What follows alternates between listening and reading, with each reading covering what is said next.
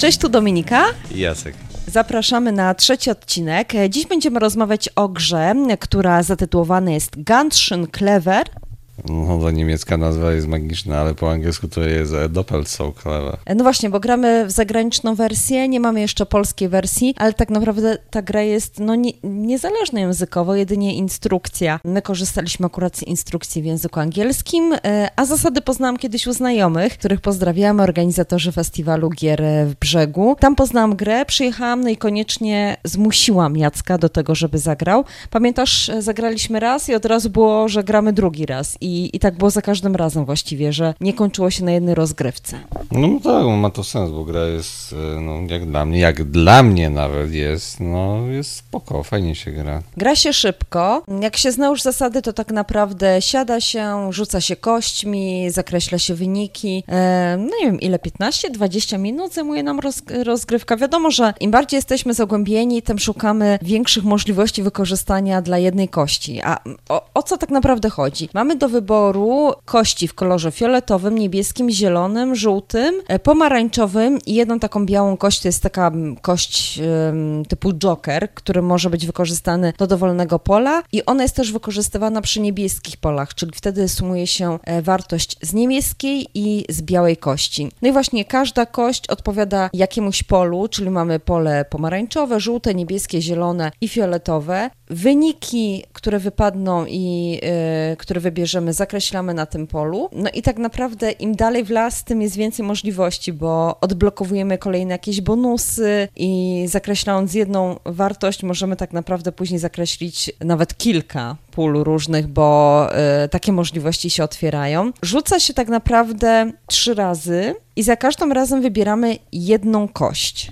No tak, wybieramy tą, która najbardziej odpowiada i pozostałe kości o mniejszej wartości zostają odłożone na bok i tam sobie czekają na zakończenie tury. A te kości, które są ym, z wyższymi wartościami, no to przerzucamy je ponownie. No i tutaj trzy razy tak postępujemy, chyba że odblokujemy sobie e, taki bonus w postaci przerzucenia tych kości. Jak mamy dużo tych e, bonusów, no to możemy kilka razy przerzucać. No właśnie, bonusy. Możemy odblokować sobie takie bonusy, jak przerzut kośćmi, wszystkimi, jak e, odblokowanie kości, która wcześniej została odłożona na bok, czyli może ona powrócić jakby do tej puli kości, którymi rzucamy, albo możemy wykorzystać jedną kość ponownie, czyli raz wykorzystaliśmy na przykład kość e, żółtą, możemy ją jeszcze raz wykorzystać. O co chodzi z tymi kośćmi, które odkładamy na bok? Generalnie odkładamy kości na bok, tak? I jeżeli już dany gracz sobie wykorzysta, te, przerzuci trzy razy tymi kośćmi, tak, że sobie tam jakąś zaznaczy, tą punktację sobie napisze. Na samym końcu trzy kości, które zazwyczaj zostają, e, są do wykorzystania przez obu graczy. W sensie można sobie wybrać jedną kość i wpisać sobie na karcie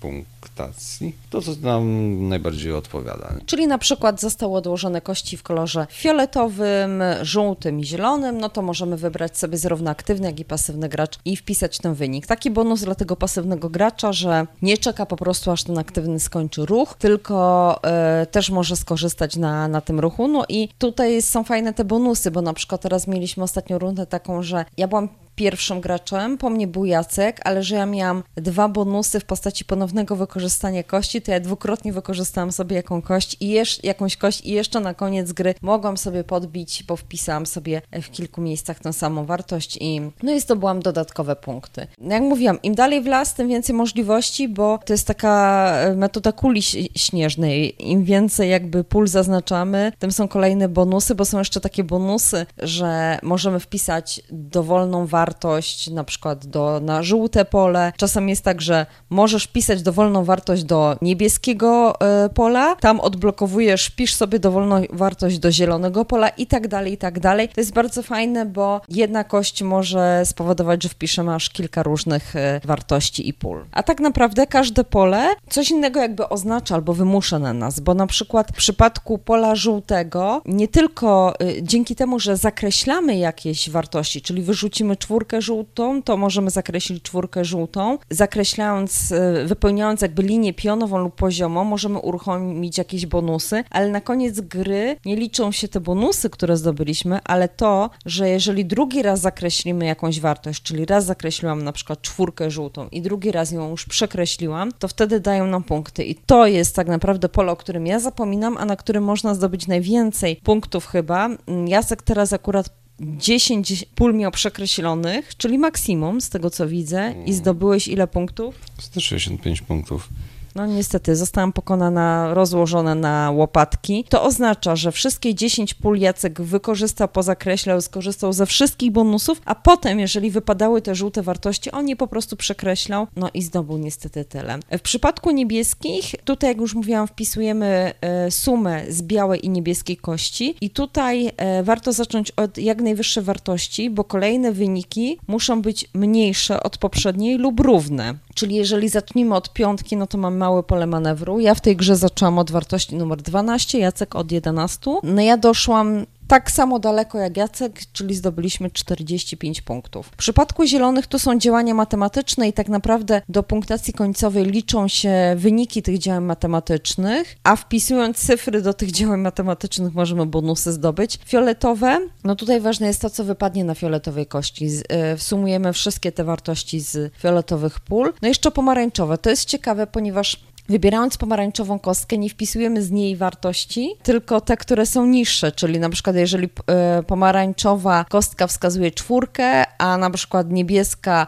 trójkę, a żółta jedynkę, no to wpisujemy jedynkę żółtą i niebieską trójkę, a pomarańczowego pola tutaj tak nie ma, czyli zawsze wpisujemy te niższe wartości. No tak, no w sensie może do początku to się wydaje skomplikowane, ale też nie ma tu sensu rozmawiać o jakichś instrukcjach, tylko nie chyba powinniśmy się skupić na jakichś kurczę, nie wiem, e, wrażeniach z gry, bo jeżeli chodzi o instrukcje, no to to jest jednak strona A4, gdzie tak naprawdę wszystko jest ładnie, pięknie rozpisane, czy to po niemiecku, czy po jakiemu tamkolwiek. No i można zacząć grać. No generalnie wrażenia z tej gry są no, z początku bardzo pozytywne, ale prawdę powiedziawszy, im więcej się gra, tym można się, nie wiem, wczuć i zobaczyć, że na przykład zakreślanie jednych jednego koloru daje więcej punktów niż drugiego. Na przykład ja grając teraz, no to na przykład ja skupiam się tylko i wyłącznie na żółtych polach, gdzie jeżeli chodzi o punkty daje to najwięcej. 165 punktów jest to maksimum, które można e, uzyskać. No i to jest no,